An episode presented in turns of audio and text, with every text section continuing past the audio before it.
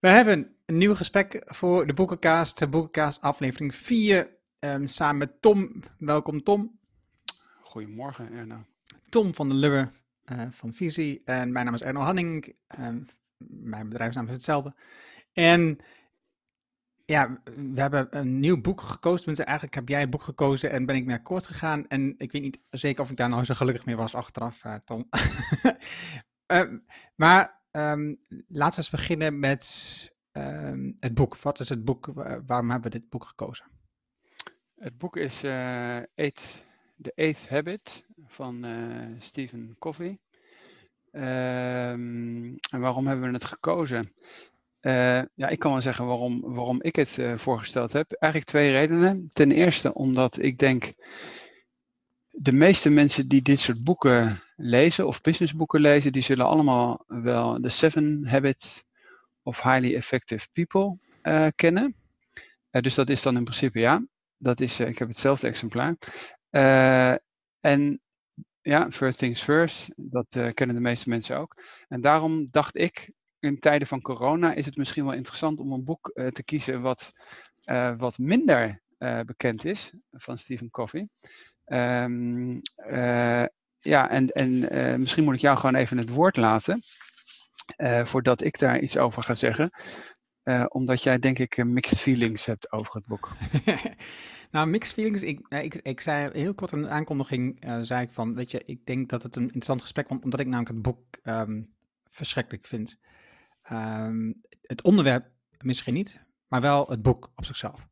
En waarom kan ik je uitleggen? Um, ik, ik kon er gewoon niet doorheen komen. En dat heb ik, dat heb ik met heel weinig boeken, dat, dat ik er niet doorheen kon. Ik kon er gewoon niet doorheen komen. De hoofdstukken waren, wat mij betreft, heel langdradig. Uh, sommige dingen werden enorm uitgemolken. Um, hij verwijst naar video's op de websites. Overigens, die zijn niet meer op de website, maar je kunt ze op YouTube kon je ze vinden. Mm -hmm. En die zijn zo gesapig en zo slecht. Oh, het is echt verschrikkelijk. Um, en ik heb ook naar een presentatie bijvoorbeeld van, om, te kijken van, god kan, dus een presentatie van Stephen Covey zelf gekeken uh, over dit onderwerp um, van drie kwartier. Ook daarin zaten diezelfde video's een aantal. En ik dacht, jezus, wat is het, oh man, wat is dit gesapig. En iedereen vreet het als soort koek. Dat is echt niet normaal. Um, om eens wat te noemen, bijvoorbeeld, het, het gaat een stuk over um, EQ, IQ, PQ uh, van, van, van nou, IQ, EQ, dat snap je dan, uh, uh, je lichaam, je fysiek. En dan de SQ, de um, spiritual. spiritual. En dat noemt hij de allerbelangrijkste, belangrijker dan al die andere. Nou, dat, dat zijn dan dingen die ik totaal niet zo zie. Volgens mij gaat het om al die... Dan wordt het een, dan wordt het een leuk gesprek. Maar dat is, voor mij gaat het om al die, al die vier. En is het, ik zeg niet dat de spiritual niet van belang is, maar het is, het is niet het allerbelangrijkste. Het lijkt me gewoon totale overdreven onzin. Maar um, kijk, de, nou, dan, dan, wordt het een leuk gesprek. De, dat wist ik. Daarom, daarom zei ik het ook van tevoren. Maar de achtste um, gewoonte, de Eight Habits. Um, kijk, hij heeft, hij heeft, het eerste boek, Seven Habits, wat ik, waar ik me enorm in kan vinden. Het zijn Seven Habits. Het is een boek, nou ja, vergelijkbare dikte als de Eight Habits. Alleen in Eight Habit is dus een heel boek over hetzelfde onderwerp. Dan denk je, dit had gewoon, dit had gewoon in een aanvulling, een addendum gekund op um, The Seven Habits. En dat uh, zag ik een beetje hetzelfde met um, Jim Collins, die een addendum heeft gemaakt over de flywheel um, op zijn boek. En ik denk dat dat veel toepasselijker was geweest om niet zo, zo langdradig over te zijn. Dat is hoe ik uh, mijn emoties bij het boek. Oké. Ja, nou dat, uh, daar, ben ik, uh, daar heb ik dus een andere, andere mening over. Uh, maar dat is misschien, misschien even twee punten daarover. Um, ik begrijp wat je zegt. En het is, als je bijvoorbeeld naar Amerikanen luistert, zeker als Amerikanen ook voordragen, dan is dat voor ons Europeanen, wij vinden dat snel te simpel.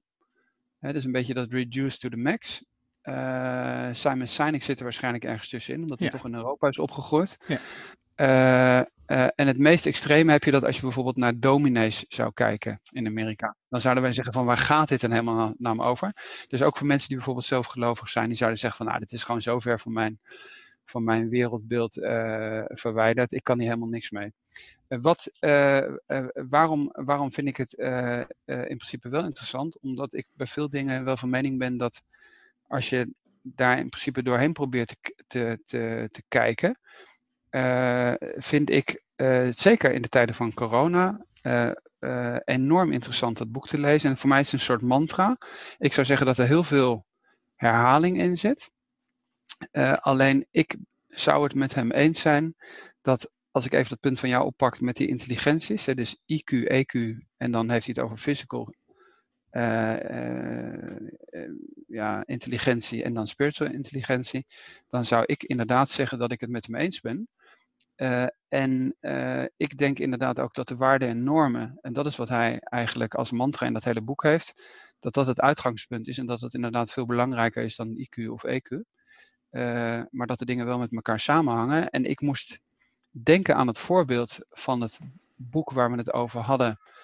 Uh, het vorige boek waar het over leiderschap ging. Hmm. Uh, en waar over die vrouw werd gezegd die Rank Xerox ge, ge, gered heeft.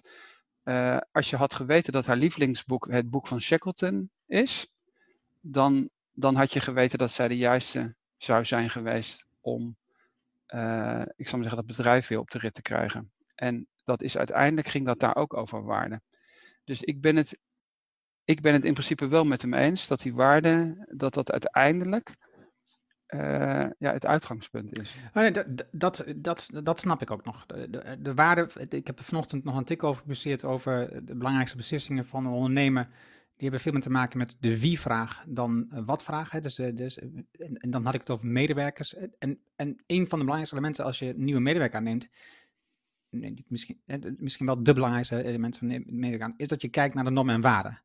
En er is veel te veel accent op de expertise van de medewerker. Dus hebben ze de juiste expertise. Dus cv's worden uitgedund, het aantal mensen worden uitgedund op basis van expertise hebben die in een cv naar voren komt. En eigenlijk is dat gewoon totale onzin. Want dat is niet waar het om draait. Dus dat, mhm. dat stuk snap ik überhaupt. Dat snap ik totaal. Maar hij walst over die andere dingen heen alsof ze niet belangrijk zijn. En dat, en dat, dat, en dat, nee, dat, dat, dat gaat mij dan veel te gemakkelijk af. Ehm, maar goed, zoals ik al zei, ik denk dat dit des te meer een interessant gesprek wordt, omdat, um, ik, omdat ik zo'n gevoel heb, dat ik je vraag kan stellen om van je te leren, waar, zit dan het, het punt wat ik, wat ik wel zou moeten zien. Kijk, de achtste gewoonte om. En dat, dat, is denk ik ook een gevoel wat ik hierbij heb. De achtste gewoonte is dus dat je je, ehm, je, je voice, je stem, je, je, passie vindt.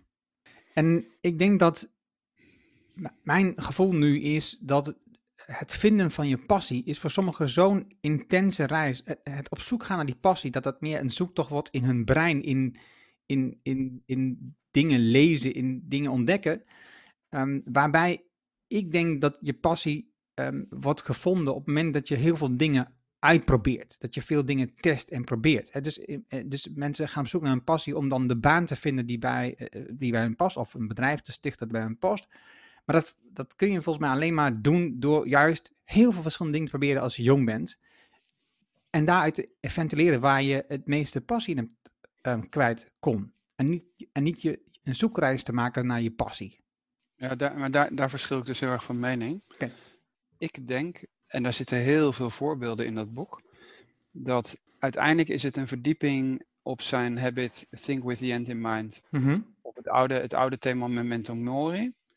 Dus uh, uh, gedenk dat gij, dat ook zult sterven. En het gaat, het gaat uiteindelijk om, om een filosofische reflectie, uh, die, ik zou maar zeggen, in onze huidige tijd heel lang weg is geweest en die in principe door die coronacrisis naar boven komt. Je ziet enorm veel artikelen nu bijvoorbeeld ook over purpose van ondernemingen. B Corp explodeert, hè, dus het label voor, voor ondernemingen die uiteindelijk echt de purpose, ik zou maar zeggen, op nummer 1 zetten. Dus de beroemde voorbeelden zijn Ben Jerry's en Tony Chocoloni, et cetera. Dus je ziet een enorme, enorme ik zou maar zeggen, vloed van mediaartikelen over die zingeving je hebt in de samenleving discussie over wat, is, wat zijn eigenlijk cruciale beroepen of niet. En ik vond het, ik vond het, uh, ik begrijp wat je bedoelt. Ik vind het ook, het is een langdradig boek, maar uiteindelijk is het één groot pleidooi voor bezinning. En, en hij schrijft natuurlijk heel erg vanuit zijn christelijke mormonen achtergrond. Uh, alleen er zitten heel veel voorbeelden in die met reflectie en filosofie te maken hebben. En wat dat betreft vond ik het heel erg vergelijkbaar um, met level 5 leadership van Jim Collins. Dus eigenlijk gaat het hier om uh, de filosofische reflectie die in onze opleiding verdwenen is. Dat je, dat je, dat je nadenkt van, ja, wat is uiteindelijk het hogere doel? En, en dat is natuurlijk iets wat in onze samenleving, dat heeft van gedeelte ook met, met secularisatie te maken. Hè? En ik ben even voor, uh, voor de goede orde, ik ben geen, geen gelovig mens in dat opzicht, hè, maar een humanist, hè, een kind van de verlichting zou ik maar zeggen. Um, maar dat is in principe waar het boek de hele tijd over gaat. En hij pleit er eigenlijk voor daar helemaal in het begin over na te denken. Dus hij noemt bijvoorbeeld ook de grafrede, wat een heel bekend, wat een heel bekend middel is. Dat hij zegt van schrijf vanuit het perspectief van verschillende mensen, dus een collega, familieleden, je partner, misschien je kinderen. Schrijf eigenlijk wat de mensen over jou zouden zeggen als jouw begrafenis plaatsvindt. Nou, dat is natuurlijk een heel, een heel beroemd of een heel bekend middel. En daarmee keert hij eigenlijk naar die essentie van die eight habit terug. Of probeert hij dat uit te leggen. Oké, ik ben dan ook wel benieuwd wat je hiervan vindt. Want het, het, gaat ook bijvoorbeeld over, dat zie je ook terugkomen, hè? dus dat, um, even denken hoor, um, wat waren ook die vier elementen die jij beschreef? Live, love, learn and leave a legacy. Ja. En um, ik, ik, ik begrijp het, hè? Uh, dus dat is niet het issue. Het enige waar ik mee zit, of tenminste het enige wat, wat ik zelf de laatste tijd um, ontdek, is misschien ook wel een soort zin, is misschien ook wel zo'n zingeving, maar het is, is de betrekkelijkheid van een legacy. Er is zo'n grote drang om een legacy na te laten. Terwijl als je kijkt naar um, het deel van mensen wat echt een legacy kan achterlaten, dat is enorm klein. Um, en plus het deel wat dat nu doet, eh, dus, dus nou, bedenk eens welke bedrijven nu een legacy zijn. Wat je, je zegt net Ben Jerry's, um, je kunt denken aan Microsoft, je kunt denken aan uh, Bill Gates, aan zichzelf, weet je, dat soort mensen. Maar die zijn over 200 jaar ook gewoon vergeten. Dus de, de betrekkelijkheid van een legacy nalaten die verder gaat dan je eigen kinderen, bijvoorbeeld. Of um, dat het bedrijf voortleeft nadat jij eruit bent gestapt. Um, dat, is, dat is een mooi idee. En ik, ik geloof ook dat je een bedrijf moet opbouwen uh, wat doorgaat als jij, als jij eruit bent gestapt. Maar dan, maar dan krijgt het wel andere vormen. Het is dan jouw, jouw gedachten worden misschien wel voortgezet. Maar uiteindelijk gaan mensen ook hun eigen gedachten in verwerken als jij niet meer de leider bent. Het is de legacy is in de grootste zin van het bestaan, en ik ben ook niet gelovig, is gewoon zo betrekkelijk. Ja, maar ik, maar ik, heb, ik interpreteer dat anders hoor, wat hij zegt. Oké. Dus uh, ik interpreteer legacy op verschillende niveaus. Dus om het nou even heel, heel banaal plat te slaan. Je hebt dat begrip uh, no assholes. Uiteindelijk, uiteindelijk zegt hij, als je voor jezelf heel duidelijk waarden en normen definieert en je daaraan houdt. En daar zit natuurlijk ook de link bijvoorbeeld bij hem naar het christelijk geloof. Hè. Ik zal maar even simpel zeggen de tien geboden. Als je daaraan houdt en jouw naaste omgeving, en dat kan privé zijn, dat kan zakelijk zijn, zeggen van, eh, die Erno Hanning, dat was gewoon een fijne vent. En die heeft me nooit besodemieterd en die was, er altijd, die was er altijd op het moment dat ik hem echt nodig had. Dat is het punt, vind ik, wat hij maakt. En dan afhankelijk van wat je na de hand natuurlijk voor, ik zal maar zeggen, circle of influence hebt, kan dat heel verschillend zijn. Natuurlijk noemt hij voorbeelden, ik zal maar zeggen van moeder Teresa tot uh, weet ik veel wat. Uh, vooral heel veel politieke voorbeelden overigens weer. Wat mij ook weer, weer opviel. Dus weer iemand die helemaal teruggaat ook naar de Amerikaanse geschiedenis. Naar Jefferson en Abraham Lincoln, et cetera. Fantastisch. Zijn overigens mensen die op dit moment ook heel veel geciteerd worden. Als het over de Amerikaanse politiek gaat. Dus ik vind niet dat hij legacy definieert in de zin van een groot bedrijf achterlaten. Ik denk zelfs dat hij relatief, misschien zelfs relatief kritisch zou zijn over, over bijvoorbeeld de grote tech-ondernemingen. Hmm. Ja, ik, ik, ik, denk ook niet dat het dat is, maar, dat is maar, maar ik zie wel dat veel mensen dat nu aanhangen. Dat ze, dat ze, dat eh, eh, en ik bedoel dat ook dus in, in de negatieve zin eigenlijk. Hè. Dus, dus kijk naar uh, wat mensen als Trump doen, dat hij dus ehm, allemaal panden neerzetten in allerlei, nou doet hij nu niet meer, dat deed hij heel veel, allemaal panden neerzetten met zijn naam erop. Maar ja, nu zie je in zijn invloed in de politiek, wat hij doet, is, hij wil een naam nalaten, terwijl de vraag is of, het, de juiste is. Maar ook als je nu, eh, nu hè, er speelt er veel over voor, voor discriminatie, voor, voor racisme, voor de, het verschil in ras. En, en als je dan dieper graaft, dan ook zie je dan de mensen die worden aangehaald, de politieke leiders, hoeveel dingen ze hebben gedaan die, waarvan je zegt, nou, waar, waren dat dan wel de juiste normen en waarden? Dat denk ik dan, vraag ik me af, weet je. Dus, ja, maar dat zou, hij, dat zou hij niet als legacy zien. Hij zou dat als absoluut uh, het verkeerde pad uh, kiezen. Maar ik zou zeggen, als je bijvoorbeeld naar dat, naar dat boek kijkt en daar zit, zit bijvoorbeeld een plaatje in. Ik weet even niet precies uh, welke bladzijde dat is. uiteindelijk is hij en dat is natuurlijk iets misschien wat, wat wij soms ook lastig vinden. Hij zegt in principe aan het begin van je leven heb je twee mogelijkheden. Je kiest of voor de middelmatigheid, en dat gaat om de middelmatigheid van waarden en normen. Of je kiest voor waarden en normen die je zelf gedefinieerd hebt. En hij zegt, daar moet je in principe trouw aan blijven. En uh, dat kan soms zijn dat op korte termijn uh, dat je denkt of dat je, dat je daar heel erg over twijfelt. Alleen als je voor jezelf heel helder in beeld hebt, dan zal je op lange termijn, you will prevail, uh, of je zult erachter komen dat dat elke keer de juiste keuze was geweest. Tegenwoordig zou je zeggen, blijf dicht bij jezelf, of blijf dicht, blijf dicht bij je kern van waar je eigenlijk voor staat. En dat, en dat zorgt voor een helderheid van waaruit je in principe op pad kan gaan. Dat is het punt wat hij maakt. En, en wat hij dan zegt over, over leiderschap bijvoorbeeld, en dan neem ik bijvoorbeeld één, één uh, citaat. En uh, 90%, 90% of all leadership failures are character failures. Hmm. Dus, dus hij, hij gaat elke keer weer terug naar het karakter en daar bouwt hij dat model op. En daar noemt hij ook steeds uh, in principe voorbeelden van. En hij zegt uiteindelijk onderscheidt hij tussen ondernemingen waar wel met vertrouwen waar wel een cultuur van vertrouwen is. En, en, hij, en hij zegt van nou, ondernemingen, en dan ben je ook weer bij, overigens bij Arie de Geus en anderen. Uh, de ondernemingen die in principe naar de Filistijnen gaan, dat zijn, dat zijn de organisaties waar distrust uh, domineert. En hij maakt de parallel bijvoorbeeld naar de Amerikaanse samenleving. En dat is bijvoorbeeld het citaat dat Ben Tichelaar ook op YouTube had gezet, waar hij dat boek bespreekt. Uh, waar, zegt, waar, waar uh, Coffee zegt, de eerste 150 jaar ging het over principes en na de hand, dus in de Amerikaanse geschiedenis, vanaf de, vanaf de Constitution, zou ik maar zeggen, en Jefferson en Abraham Lincoln, et cetera. De eerste 150 jaar ging het over principes. Daarna zijn we, daar, zijn we, zijn we van die weg afgegaan. Hè, misschien ook een beetje een bijbelse, bijbelse term. En toen ging het in principe de verkeerde kant op. En ik denk dat dat heel erg interessant is. En dan heb je uiteindelijk heb je het ook weer bij Reduce to the Max. Want hij zegt in principe, um, er is niks efficiënter dan de speed of trust.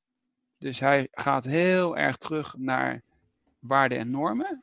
Pleit ervoor. Je bent in principe ook weer bij cultural fit. Hè? Dus als iedereen, wat jij net zei, als iedereen dezelfde normen en waarden heeft, hoef je heel weinig op te schrijven.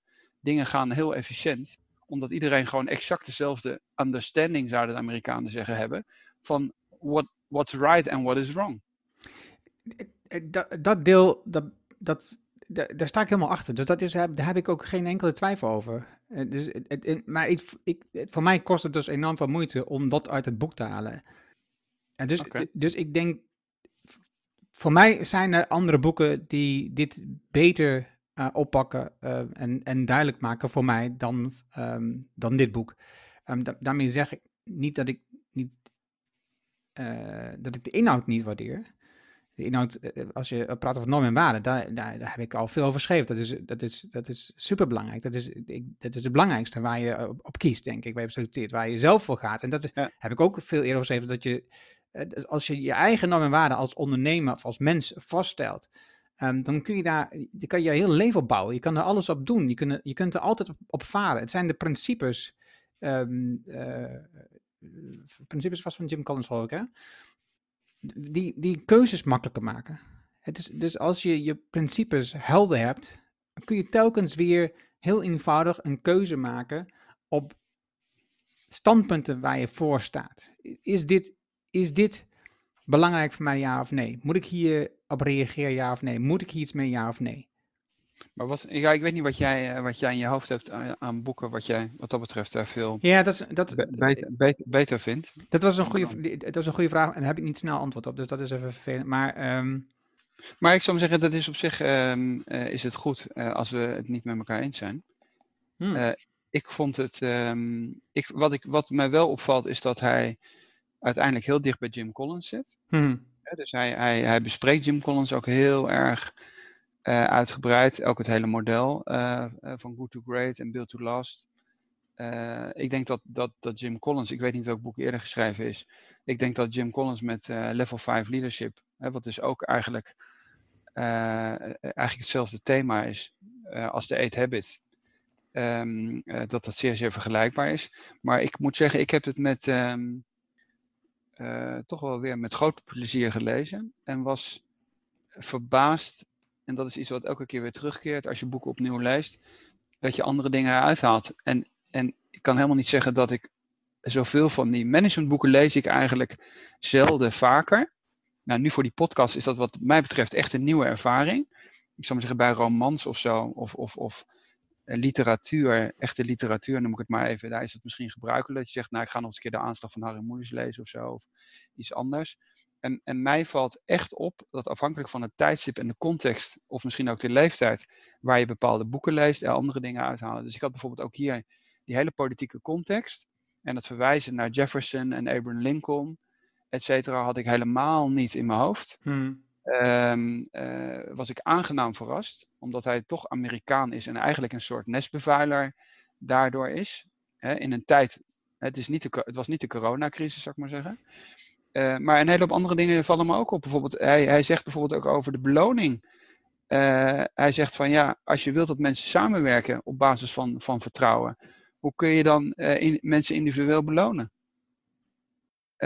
It's not that people do not want to cooperate, it's that the system rewards individual effort or in, internal competition. En dat in een Amerikaanse context, ik weet niet wanneer het boek geschreven is, waar je echt moet zeggen, nou, dat is echt wel vloeken in de kerk.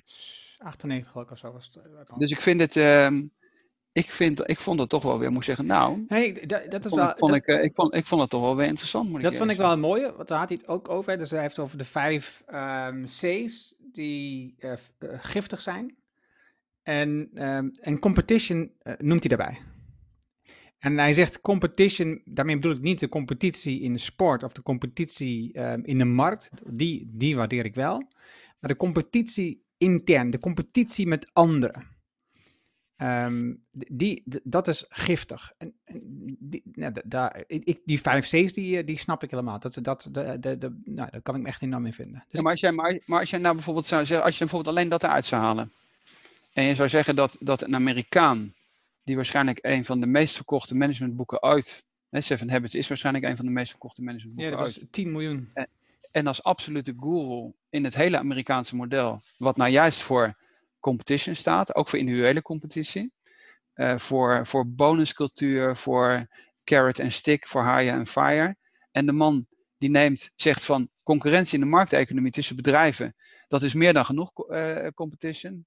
Uh, maar binnen het bedrijf is het contraproductief. Dat, voor, dat als het soort uithangbord van, het, van de Amerikaanse managementliteratuur. Ik moet zeggen, uh, en dat is niet om jou, om jou tegen te spreken, ik, vond dat, ik had dat niet meer in herinnering. En ik vond dat wat dat betreft in die Amerikaanse context. Want hij, sta, hij stond wel overal elke keer voor die bedrijven te spreken. En dan noemt hij ook voorbeelden van bedrijven die zijn klanten waren. Waar, waar hij dan uit wordt genodigd en waar bijvoorbeeld, zou zeggen, 5 of 10 procent op het podium komt. Hmm. En dan zegt hij tegen die eigenaar van, ja, wat, denk je dat dat zinvol is? Waarom krijgt niet iedereen een bonus? En dan komt hij een jaar, vertelt hij dat hij een jaar later terugkomt en 90% op het podium staat en die omzet van het bedrijf enorm gestegen is. Nou, dat vind ik echt wel voor de Amerikaanse cultuur, moet ik zeggen. Petje af, had ik niet zo in herinnering. Oké, dan, dan eh, eens. En dan heb ik een vraag. Dan, want waarom is het dan nog steeds zo belangrijk, de interne competitie? Waarom is er nog steeds zoveel ongelijkheid in Amerika? Een man met zoveel faam, die, die zoveel bedrijven um, impact heeft gehad, zoveel managers impact heeft gehad. Wat, wat is het? Want een van de elementen die, die ik ook, die mij aanspreekt in het boek, eh, bijvoorbeeld over leadership. Hè? Dus leadership schrijft hij over, weet je, speel niet de slachtoffer. Hè? Dus ga niet ehm, gesprekken voeren rondom ehm, het koffieapparaat, waarin je andere mensen afzeikt dat ze bijvoorbeeld, heb je nu weer gezien wat die nieuwe doet? Heb je nu weer gezien? Nee, pak je eigen leiderschap. En neem die serieus. En hier heb ik een aantal tips hoe je het kunt doen in verschillende fases, waarin jij deze situatie kunt veranderen. Nou, dat, ja, dat vind, dat, ik denk dat dat helemaal waar is. Ik denk dat leiderschap kan iedereen nemen. Dat is niet, uh, en als je een slechte baas hebt, dan moet jij gewoon leiderschap nemen. Je kan altijd blijven fit op die baas en uiteindelijk uh, schiet je dan helemaal niks meer op. Je bent gewoon ongelukkig en er verandert helemaal niets. Dus wil je dat iets verandert, dan moet je leiderschap nemen. Dus da daar, daar, daar um, ben ik het helemaal eens. Um, dan ben ik mijn punt kwijt. Jij vroeg waarom dan toch die interne competitie in die bedrijven en die beloningsmodellen zijn zoals ze zijn. Dat is in ieder geval waar je nu net mee start. Ja, nou ja, dat is een vraag waar je, waar, je, waar je misschien antwoord... De ongelijkheid in Amerika is gewoon, is gewoon enorm. En, en we zien het niet alleen in Amerika, hè? dus het Amerikaanse model is eh, op zoveel plekken um, overgenomen. Uh, in Europa wordt het ook veel gebruikt. En, en je ziet het op veel meer plekken. Wat zet ons ertoe aan om dat over te nemen? Nou, ik zou maar zeggen, het is natuurlijk op dit moment, uh, is het natuurlijk, je zie je overal dat natuurlijk um, de protesten in andere landen, als het om bijvoorbeeld als het om gaat wat er in Amerika gebeurt, hè, denk ik dat we misschien ook wel wat meer zelfreflectie kunnen gebruiken. Dus ik zou zeggen, als je nou gewoon even, ik neem, pak alleen even het punt van jou over ongelijkheid. Nederland is qua vermogensongelijkheid, komt relatief snel, komt relatief snel achter de Verenigde Staten. Is dat een discussie die in Nederland gevoerd wordt? Nee, die wordt nauwelijks gevoerd. Dus we hebben naar verhouding uh, de Gini-coëfficiënt, dus de, inkomensongelijkheid, wat je gewoon naar salaris krijgt, dat valt op zich in Nederland wel mee. Als je naar de vermogensongelijkheid kijkt, die is immens hoog. En als je dan kijkt hoeveel mensen onder de armoedsgrens lezen, dat is gigantisch. Is, dat, is, daar, is, daar een publiek, is daar een publiek debat over? Niet. Uh, nee. Nou, dus ik denk, ik, denk, ik denk misschien om het gewoon even heel in het algemeen te definiëren. Waarschijnlijk is het zo, en dat is misschien ook de grote frustratie van een hoop mensen, dat alle grote thema's, dat daar dat eigenlijk rationeel niet helemaal te begrijpen valt waarom dat zo is. Dus waarom zijn we niet meer met, uh, met het klimaat bezig? Waarom zijn we niet meer bezig met grote ongelijkheid? Waarom, zijn wij, waarom verdienen de mensen in cruciale beroepen naar verhouding niet meer? Waarom wordt de financiële wereld niet uh, beter gereguleerd en gedraagt iedereen zich fatsoenlijker? Uh, et cetera, et cetera. Dus ik denk dat die lijst immens lang is. Hmm. Punt wat ik eigenlijk hier wilde maken is uh, op basis van dat hij in een Amerikaanse context, en dan heb je natuurlijk gelijk, hij is NSS-guru, uh, of tenminste management guru noem ik het maar even. Een gevaarlijk woord altijd een beetje. Maar in ieder geval iemand die, ik zou zeggen, 10 miljoen van die boeken verkoopt. Waarschijnlijk een van de best betaalde sprekers is geweest. En overal waar hij dan wordt uitgenodigd, wordt hij uitgenodigd. En neemt uiteindelijk een standpunt in. Wat inderdaad best wel contrair is met hoe het juist in die Amerikaanse samenleving en het Amerikaanse bedrijfsleven functioneert. En dat vind ik op zich best wel interessant. Het is niet zo dat hij de mensen naar de mond praat. Dan kun je natuurlijk, dan kun je natuurlijk zeggen, Simon Sinek is wat dat betreft ook iemand die aan het vloeken is in de kerk. Maar ik vond dat, ik vond dat toch wel weer uh, erg, erg interessant. En dat hij dan zo ver gaat dat hij dan zelfs zegt dat, uh, dat je uh, de concurrentie in de markt en met, je, met externe concurrenten, dat dat meer dan genoeg is. En dat je moet kijken dat je binnen het bedrijf vooral samenwerkt en die salarissystemen, dat je die daarop aanpast. Ja, dat is natuurlijk voor mij, dat klinkt als muziek in de oren. Omdat wij natuurlijk binnen het bedrijf exact dat gedaan hebben. En, en uitgaan vanuit die intrinsieke motivatie. Ja. Dus ik vond dat, uh, maar ik had, ik had hem helemaal niet, uh, ik had hem helemaal niet in die categorie uh, salarismodel en afschaffen van, in, van, van interne of van, van bonus en zo. Ik had hem helemaal niet in die categorie in mijn, in mijn, in mijn hoofd. Hmm. Overigens, uh, twee dingen die ik nog wil zeggen. Ik, ik herinner me, um, ik heb recent een boek gelezen. Uh, de kunst van goed leven. Dat is een Nederlandse titel. Het is een Zwitser die het boek heeft geschreven. Je kent het boek misschien. Door Beling, ja. En, uh, hoe, is, hoe heet de auteur, zei je? Door Beling. Ja. een van de mooie onderdelen die ik met hart heb genomen in het boek is dat we een soort strippenkaart moeten hebben voor de rest van ons leven voor boeken voor het aantal boeken dat je leest. En dan niet romans, maar um, gedegen boeken zoals wij ze nu aan het lezen zijn. En de boeken die je leest, niet één keer lezen, maar vaker lezen. als je, hem, als je hem gelezen hebt, lees hem gewoon nog een keer. Want als je het boek, het zijn, zijn, ik weet niet precies de percentage, maar uit mijn hoofd was iets van, als je het boek de eerste keer leest, onthoud je 4%, lees je hem de tweede keer, onthoud je 30%. En dus het vaker lezen van boeken, dat is wat ik me beslist heb voorgenomen op het moment dat ik denk, oh, dit is een super waardevol boek. Dus ik heb mijn boekenkast eh, aanzienlijk uitgedund en de boeken overgehouden waarvan ik denk, die wil ik beslist nog een keer lezen. En alle boeken die ik niet nog een keer lezen, heb ik nu allemaal op een verkooplijst staan. Weg ermee. Um, dat is één ding. En tweede ding is wat ik nu uit dit gesprek haal, um, uit jouw analyse, is dat dit boek dus juist in deze tijd um, super geschikt is om te lezen. Dat, en je moet dan, wat mij betreft, een beetje uh, uh, tussen de regels doorlezen soms. Om te ontdekken wat je zou kunnen doen om regie te nemen over je eigen leven. En ook misschien wel over leiderschap in je bedrijf als medewerker. Um, om juist die situatie te veranderen. Om juist die grote onderwerpen um, in ieder geval daar jouw verantwoordelijkheid in te nemen. Het is interessant dat jij dat zo uh, zegt, uh, omdat ik natuurlijk net het ook had over het herlezen van boeken.